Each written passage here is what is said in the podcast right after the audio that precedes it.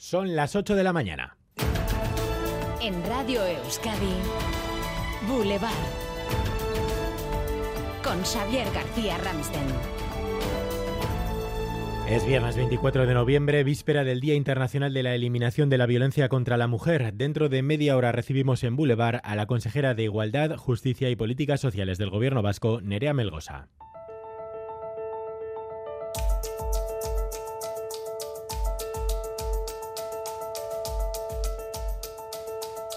Y lo hacemos con atención a este dato, las llamadas al teléfono SATEVI 900-840-111 para las víctimas de esta violencia han aumentado considerablemente desde su puesta en marcha en 2018, aunque llama especialmente la atención el incremento de un 60% de las llamadas relacionadas con los delitos más graves, los de la violencia sexual. Sonia Hernando. El 900-840-111 registra ya en lo que vamos de 2023 2.500 llamadas y preocupa especialmente esa tendencia al alza de las peticiones de ayuda que tienen que ver con la violencia sexual hacia las mujeres. En la mayoría de los casos los agresores están muy cerca de las víctimas. Nerea Melgosa, consejera de Igualdad. La realidad es que las agresiones sexuales se producen en un marco de confianza y cercanías, tales como la pareja, las familias, las amistades o el entorno laboral. Hoy ya distintos actos van a comenzar a conmemorar la fecha del 25N, uno de ellos un encuentro de jóvenes organizado por la Diputación de Guipúzcoa para abordar precisamente contenidos violentos y machistas en el entorno digital y la pornografía. A Melgosa le preguntaremos también por el caso de la mujer que ahora mismo está protegida por la herchancha del hombre que intenta matarla, del joven acusado de robar una pistola a una herchaña que el lunes quedó en libertad poco después de entregarse a la policía. Mientras jueces y herchañas ofrecen diferentes versiones de lo ocurrido, la madre de la víctima decía esto ayer en el programa de Anne Ibarzábal en ETV2. Mi hija está destrozada, acabo de hablar con ella, eh, está destrozada. bueno, pues mal, porque date cuenta que es que parece que ella es la, la culpable. Retenida, parece que está retenida, ¿me entiendes lo que te quiero decir? En unos minutos entrevista en directo en Boulevard con el juez decano de Bilbao, Aner Uriarte. Y esta mañana les estamos ofreciendo una nueva edición de ITV Data, en esta ocasión para analizar la situación de nuestro primer sector.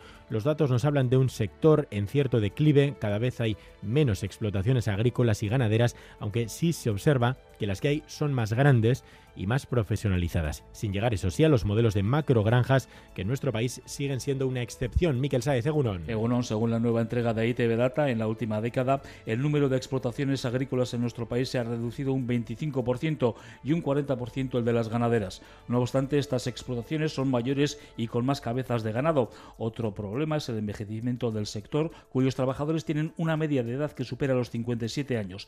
Asimismo, se reduce el peso del sector en nuestra economía y su presencia en nuestros mercados. Solo el 22% de la fruta, verduras y carne que consumimos es de producción propia. Y hace dos horas ha entrado en vigor el alto el fuego en la guerra de Gaza. Tras 49 días de ofensiva, ¿se está cumpliendo, Oscar Pérez? Por primera vez en mes y medio, las bombas y el fuego de artillería israelí han callado durante dos horas y Gaza amanece en silencio. El alto el fuego ha entrado en vigor a las 6 y 15 minutos después las sirenas que avisan del lanzamiento de cohetes han sonado en dos localidades del sur de Israel. Ha sido una falsa alarma. A partir de las 3 de la tarde se espera que sean liberados los primeros 13 rehenes de Hamas. Horas después, Israel pondrá en libertad a varias decenas de presos palestinos, todos ellos mujeres y niños. La imagen que vemos ahora de Gaza es la de varias columnas de humo provocadas por los ataques de la aviación israelí realizados minutos antes de la entrada en vigor del alto el fuego y además los primeros camiones con ayuda humanitaria que están empezando ya a cruzar el paso de Rafah. Hay más noticias, se las contamos en titulares con Asier Herrero.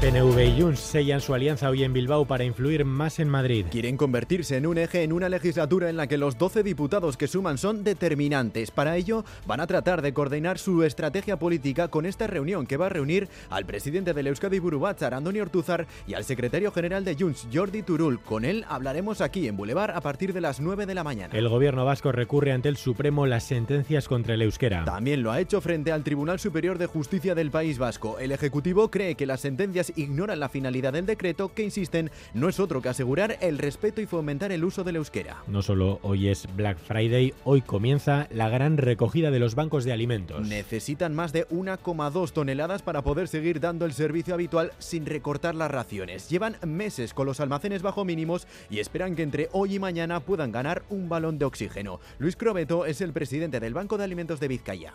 Este año eh, eh, hemos tenido que repartir menos debido a la inflación. Yo estoy convencido de que Vizcaya y Bilbao es una sociedad no generosa, sino súper generosa. Las aportaciones se pueden realizar aportando alimentos o comprando los bonos en cientos de supermercados. Bajo la bocina, pero los sindicatos de Renfe y Adif han desconvocado la huelga prevista para hoy. Tras intensas negociaciones han conseguido garantías de que los sindicatos formarán parte de las negociaciones para la transferencia de rodalíes y para encontrar un socio para el servicio de mercancías. Y la ultraderecha provoca disturbios en Dublín. Han cargado contra los policías con cohetes.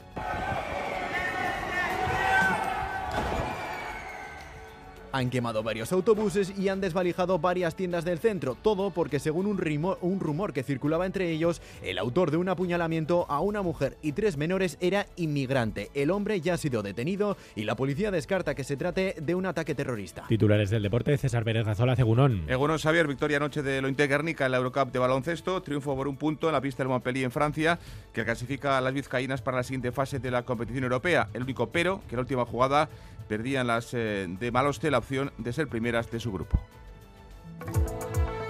Boulevard. BRTA, Alianza Vasca de Investigación y Tecnología, te ofrece el tiempo.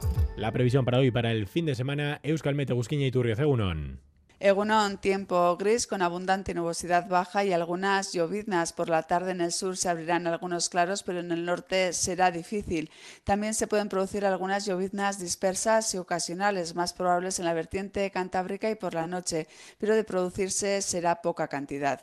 En cuanto a las temperaturas diurnas, pocos cambios. Las máximas se situarán entre los 10 y los 15 grados. Por tanto, ambiente gris y fresco con abundante nubosidad baja, pero con poca lluvia.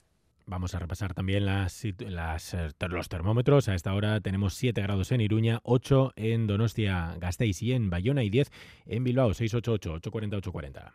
Egunon, gaur elgean zazpi gradu eta hogeizu.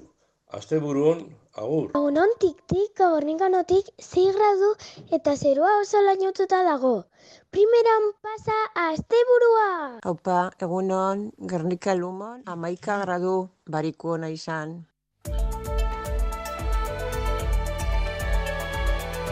Boulevard. Tráfico. Miramos también a las carreteras. Begoña Dorronsoro, ¿algún problema hasta ahora? Sí, desde el Departamento de Seguridad nos informan de que se ha producido un accidente en la Guipúzcoa 20 en Herrera en sentido Bilbao. Tres vehículos han colisionado y ya hay retenciones de dos kilómetros. Y precaución todavía en la AP8 en Usurbil en sentido Donostia porque un camión continúa ocupando el carril derecho y la Ertzaintza se encuentra en el lugar regulando el tráfico. Por lo demás, vemos la densidad habitual a estas horas en los accesos a las capitales vascas. Pequeñas y medianas empresas, ¿sabéis que podéis innovar en vuestros productos y procesos y que para ello tenéis a vuestra disposición 17 centros de BRTA? Porque innovar es cuestión de carácter, no de tamaño. BRTA, Alianza Vasca de Investigación y Tecnología. Gobierno Vasco, Euskadi, bien común. Ayúdanos a mejorar nuestra información con tus comentarios, fotos y vídeos. Envíalos al WhatsApp de Radio Euskadi 688 840 840.